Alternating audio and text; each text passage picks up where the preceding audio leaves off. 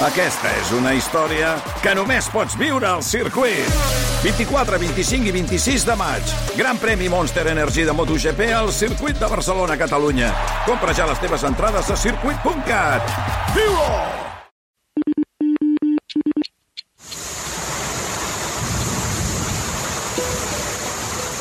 Metralladilla de Sacaba. Buah, un cotxe, tio! Un cotxe dins el torrent, tio! Flipa! Hadi, lägg det varmt, lägg det varmt, lägg det varmt.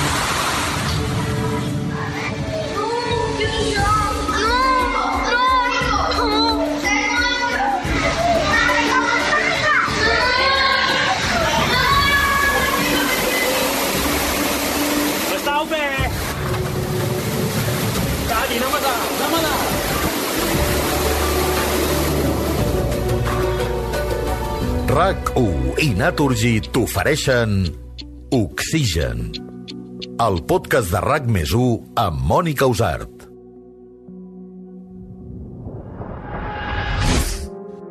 El dia 9 d'octubre de l'any 2018, cap a les 7 de la tarda, el torrent que travessa el municipi de Sant Llorenç d'Escardassà, a Mallorca, es va desbordar. Va multiplicar el seu cabal per 4 i el nivell de l'aigua va superar els 4 metres d'altura. El balanç? Unes inundacions catastròfiques que van deixar 13 víctimes mortals. En aquest episodi, la torrentada de Sant Llorenç d'Escardassà. La situació meteorològica a les Illes Balears era inestable, un temps insegur que portava una variabilitat típica de la tardor, amb xàfecs, calamarsades, tronades... Una situació, de moment avui cap vespre, complicada. Aquestes tempestes podran afectar ja aquestes properes hores el sector de Mallorca.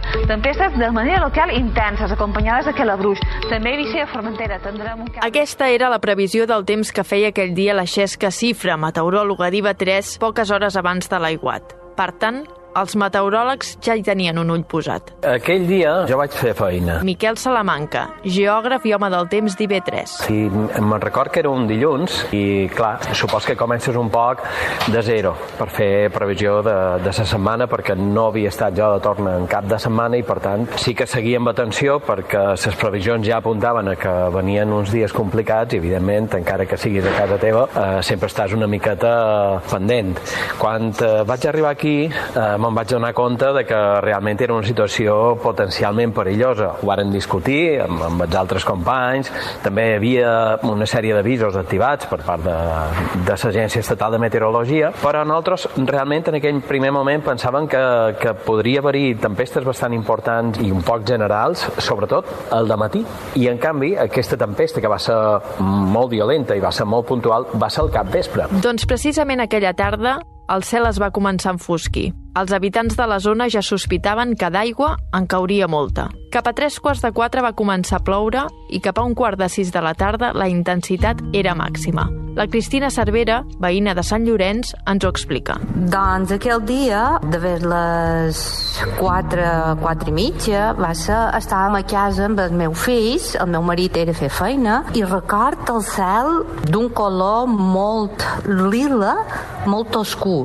Jo no havia vist mai aquell color del cel i ja em vaig tenir com un presentiment de que, de que algo no passaria. No, no era normal aquell color. I se va posar a ploure i de cada vegada anava augmentant eh, la quantitat d'aigua que plovia. Un dels meus fills, bé, el meu fill major, en Joan, havia d'anar a un altre poble a fer unes classes i jo ja vaig dir no m'agrada, no m'agrada Joan, no vull que partesquis perquè no m'agrada. Mirava per la finestra i d'en fora ho veia tot de color pues, llis. Estava un color lila, llis, tot, tot, tot. I que era una quantitat d'aigua impressionant. El primer que va fer va ser baixar a la planta de baix, on viu la seva padrina de 95 anys, i va començar a treure aigua del pati interior perquè el desaigua no donava l'abast.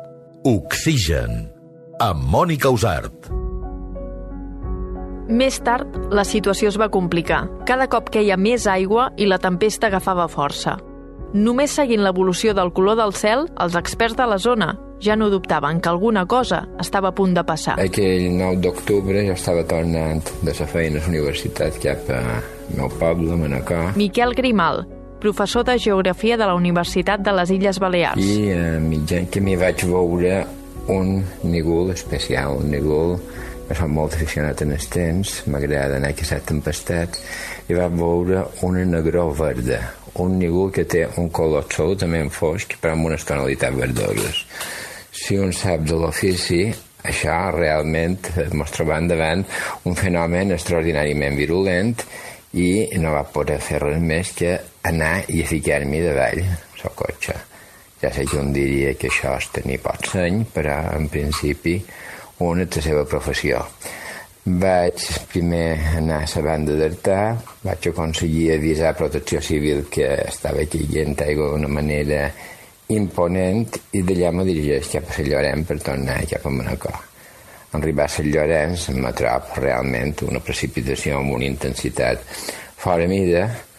Vaig que a la part exterior d'aquest poble on viu la meva germana eh, la intensitat era tan brutal que havia perdut la connexió del mòbil eh, estava escoltant eh, la ràdio per tranquil·litzar una miqueta perdent les zones de ràdio un llamp un darrere l'altre una cortina de precipitació enorme. En aquest moment vaig ser conscient de que vendria una torrentada i vaig anar a esperar-la en aquell moment, el Miquel Salamanca va decidir, com faria qualsevol meteoròleg, anar a seguir la situació. Havia anat en cotxe a veure un poquet com estava plovent i enterar-me un poquet d'allò que estava passant.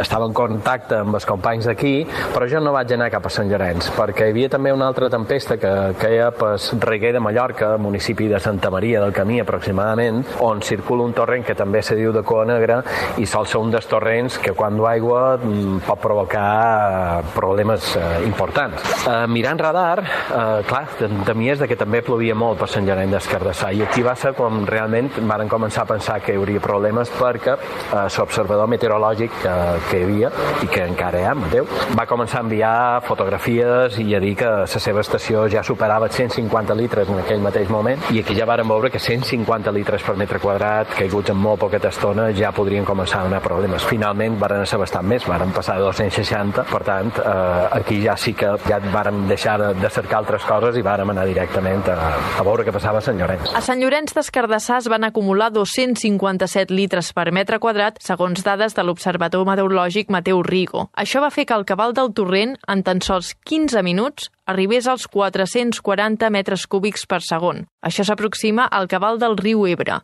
Quina és la diferència? Que la conca de l'Ebre ocupa una superfície mil cops més gran que la del torrent. Oxigen. En aquell moment, el Miquel Grimal esperava la torrentada des d'una zona segura. Comença a pujar lentament el nivell del torrent, que llocs li fa mitjanada, i amb aproximadament un quart d'hora allò se va anar transformant en un allau d'aigua increïble. És a dir, no hi va haver allò que segons quines persones diuen oh, va venir una ona, va venir de cop, va venir... No, va ser un quart d'hora de creixement lent, imparable d'aquella aigua. Primer duia bales de paia, posteriorment va començar a dur arbustos, finalment duia arbres sencers revoltant allà dins, amb un aparell elèctric increïble, una intensitat de precipitació enorme, i eh, vaig poder tant observar-lo com en principi també filmar-lo i anar fent fotografies de com anava seguint aquest procés que després espero confio que em serviran per analitzar-lo i conèixer-lo millor. La gent que era dins de les cases van quedar totalment aïllats sense saber quan deixaria de ploure. Varen quedar incomunicats. Cristina Cervera. No podia telefonar a ningú, ni per mòbil, ni en sofixa. Els meus pares viven a dos quilòmetres en el camp, tampoc sabia res d'ells, ni dels meus amics, ni del meu marit, i estava jo allà sola, a casa. Jo havia la port principal, que dona al carrer, i passava una quantitat d'aigua que no havia vist mai, i no aturava. No sabia on era el seu marit, tampoc com estarien els seus pares, i les imatges que es veien a tocar del torrent eren desesperants. El nivell eren increïbles, superaven 5 o 6 vellades de capacitat del torrent, i això que era un torrent que l'havien eixamplat notablement després d'una gran torrentada que hi havia hagut abans. En el 89 se sentien que era un poc tràgic, les alarmes dels cotxos, els cotxos passant eh, a Rosillet Passaigos, se'ls ensenyen els llums. Quan els cotxes començaven a moure's, se sentien les alarmes, eh, els clatsons sonant contínuament, i un no se'n podien fer una idea de quantes persones inicialment pensava que ja havia estat una autèntica hecatombe perquè veies passar i senties centenars de cotxes arrossegats per l'aigua tràgicament anant apagant el seu llums un darrere l'altre pensant que els cotxes d'ara no són com els d'un temps, els cotxes d'ara són perfectes barques, suren de l'aigua, són molt lleugers i els veies passar lentament eh, anant cap a la mà. Per tant, era autènticament una imatge des de l'exterior, perquè jo era la part exterior del poble, apocalíptica. La Cristina seguia sense saber res del seu marit, però un cop passat el moment de la torrentada, va rebre una trucada. A poc a poc se van començar a restablir, crec recordar, eh? no ho recordo molt bé, les comunicacions, perquè el meu home me va telefonar que estaven aturats a la benzinera del poble. I allà hi devia haver 100 o més cotxes aturats que no podien entrar dins, uh, dins del poble. Ell me va dir, he intentat creuar per venir cap a casa i clar, el torrent passa per, per mig de la carretera i quan ell anava a creuar me va contar que va veure com aquesta ona d'aigua que venia va travessar per dins del torrent i ja va veure un cotxe que passava, va donar mitja volta així com va por i se'n va tornar i va esperar uh, la benzinera durant uh, dues hores o més. Uh, aquell vespre no va, no, va poder, no va poder venir a dormir a casa i va quedar uh, aquest seu germà que viu a Manacor. En aquest cas, es pot atribuir el nombre de víctimes al fet de construir al vell mig del camí d'un torrent? Torrents que passen per mig del poble n'hi ha bastants. Agustí Jansà, meteoròleg i doctor en físiques. I n'hi ha que hi ha, hi ha imprudències, diguéssim, urbanístiques, no recents, sinó fins i tot de, de passats històrics llargs, de que, bueno, s'han edificat zones que són de domini del, del corrent d'aigua, o sigui, i clar, clar, quan hi ha una pluja forta, quan hi ha un episodi d'aquest tipus, l'aigua es recupera, torna a passar per allà on havia passat històricament històricament i per tant, diguéssim, edificar en zones inundables, en zones eh, on els torrents poden produir eh, crescudes importants, doncs és un disbarat, evidentment. O sigui que, des del punt de vista urbanístic, evidentment, a Sant Llorenç hi havia coses que no hi hauria d'haver hagut. Però també hi ha que dir una cosa que jo me sembla que és important tenir en compte. Dels 13 morts que hi va haver en aquell episodi, la majoria no són morts per inundació, diguem, dins, dins el poble. No, no són... N'hi ha hagut, n'hi va haver alguns, sí, no sé, un, dos, tres, quatre, no sé quants exactament. Però la major part no són per inundació del, del poble, sinó que són per, per talls de carretera, per, per arrossegaments a la carretera. Són, són, són, són, són morts, són, són accidents que van tenir lloc a la carretera um, per imprudència, diguéssim, de circular a, a través de carreteres inundades on hi ha un corrent d'aigua que s'endú molt fàcilment un cotxe i, i d'aquí és on hi ha hagut més, hi va haver més, més desgràcies. Aturar-se a la benzinera era una bona decisió que no tothom va poder prendre. La majoria de les víctimes mortals d'aquell dia van perdre la vida dins dels seus vehicles. Per què? Allò que és més perillós. Aquí, a qualsevol lloc de món mediterrani davant d'aquest tipus de riuades són els vehicles. Vehicles ja els eh, diria que són taüts amb rodes. Miquel Grimal. Perquè creen una falsa sensació de seguretat.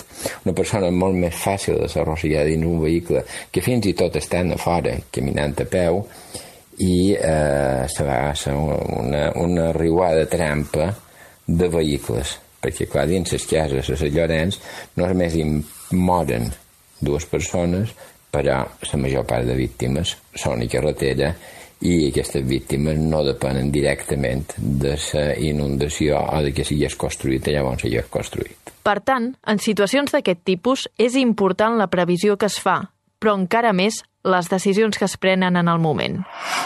Tot i que gran part de les víctimes no s'atribueixen al fet d'haver construït enmig d'un torrent, sí que hi ha coses que no s'han fet bé. Quan a principi del segle XX creixen nucli, comencen en aquesta part baixa. I passa a ser inundable. És a dir, a Llorenç no hi havia hagut cap inundació que surtin en relats històrics anterior a 1940, aquesta dècada. Per què? Perquè no estava edificat simplement. Després què passa? Començam amb una combinació d'haver-hi allò que mai hauria d'haver estat. Primer problema, la canalització és insuficient, la que hi havia abans i la que hi ha ara. En segon lloc, s'han fet un ponts infames. Arran de la torrentada del 89, que se'n va dos ponts antics, se van fer un ponts absolutament blindats. un pont de formigó amb un revestiment enorme de, de la part de damunt, però amb una secció ridícula. Aquests ponts van esdevenir preses. Preses que no deixaven passar aigua per davall, acabaven tapats i, a més, acabaven repartint aigua cap en els costats. Per tant, tenim que el poble, a allà on no hauria de ser, però tenim un factor, en aquest cas aquestes construccions, que envien més aigua cap a dins el poble que no sé qui hauria d'haver. I n'hi ha cinc de ponts, no un, cinc cinc preses repartint aigua a costat i costat. En condicions normals s'hauria acumulat un metre o un metre vint d'aigua. Una situació que fa pena, però no destrueix totalment. Però en aquest cas, l'aigua va arribar molt més amunt, una diferència brutal provocada per aquests ponts blindats arran de la catàstrofe del 89. Oxigen. Amb Mònica Usart. La torrentada va arribar al capvespre, tot era fosc i la nit va ser llarga. L'endemà, els veïns de la zona es van llevar disposats a donar un cop de mà. El de matí següent vàrem anar, ja de bon matí, ja ens vàrem vestir així com vàrem poder per anar a ajudar, perquè sí, vàrem saber que havia estat gros el que havia passat. Vàrem entrar a cases d'amics nostres, sobretot a un amic en concret, i és horrible, horrible el que, lo que vaig veure, tot ple de fang, els llits, els matalassos, la roba, tot tot. Ja havia baixat l'aigua, però tot estava ple de fang, que més de, bueno, més d'un metre, més de dos. Hi havia cases més de dos metres. Vull dir, va ser molt, molt impactant. La cara d'aquesta amiga meva, vull dir, crec que la recordaré tota la vida, estava freda, eh, que no sabia què, què passava. I les situacions que van viure totes aquestes famílies. Però l'adrenalina d'aquell moment te va fer pues, aferrar-te a eh, ajudar. Tots els nins, tothom se va mobilitzar per anar a ajudar i va ser molt guapo. Vull dir, en el fons va ser una experiència que no, oblidar, no oblidarem mai. I quin balanç es va fer de la situació de les inundacions d'aquell dia? Aquestes inundacions, aquest flash flood, aquestes inundacions de caràcter sobtat, eh, sempre eh, creen com una espècie d'inquietud social. Miquel Salamanca. Com és possible que no s'hagi pogut preveure? Perquè entren tant de factors i entren tantes qüestions que és molt complicat preveure un fet així. És més, perquè el propi caràcter de ser una inundació sobtada fa que la capacitat que tenim tantes meteoròlegs com els sistemes d'emergències de reacció una vegada s'ha posat en marxa el torrent és extremadament breu. Es tracta d'una punta de revinguda que entra, arriba i arrasa en tot allò que troba en qüestió de minuts. Clar, eh, és molt complicat, molt complicat actuar i sobretot eh, és complicat de preveure. Podem preveure l'àrea aquí on hi haurà aquestes tempestes grosses com així va ser, aproximar una miqueta fins i tot l'horari, però més enllà d'això no se pot fer res. I davant de l'escenari de canvi climàtic que tenim avui en dia, cada cop es repetiran més aquest tipus de situacions a les Illes Balears? En principi sembla que eh, hi ha d'haver un augment de, dels episodis de pluja violenta, de pluja torrencial. Agustí Jansà. També apunten els models climàtics cap a un augment dels períodes de sequera, o sigui que seria, diguéssim, a un clima més contrastat, més, més contrast i, per tant, diguem, menys, menys bo, menys dolç o menys, més complicat de lo que és ara. Però també ha tenir en compte, tenir en compte una cosa, i és que quan estem parlant dels canvis que, que pot produir el canvi climàtic, no hem de pensar que, per exemple, el que va succeir a Sant Llorenç ara passarà cada 3 o 4 anys. Abans potser passava cada 20, o cada 30, o cada 50, i ara passarà cada 3 o 4 anys. No. Hi haurà una diferència de, de, de freqüència, segurament, però no una diferència tan dràstica com això. Encara que sí que es ve que si miram en el conjunt, diguéssim, de, del planeta, el nombre d'episodis d'aquest tipus de tipus violent sí que pot augmentar d'una manera sensible, no dràstica, però d'una manera sensible sí que pot eh, augmentar. A l'episodi d'avui hem après que les previsions són importants, però encara més la nostra actitud. No s'ha d'anar a buscar el cotxe a un subterrani, ni tampoc intentar creuar zones inundables, perquè, com diu en Miquel Grimal, els vehicles es converteixen en taüts amb rodes. RAC1 i Naturgy T'han ofert Oxigen, el podcast de RAC més amb Mònica Usart.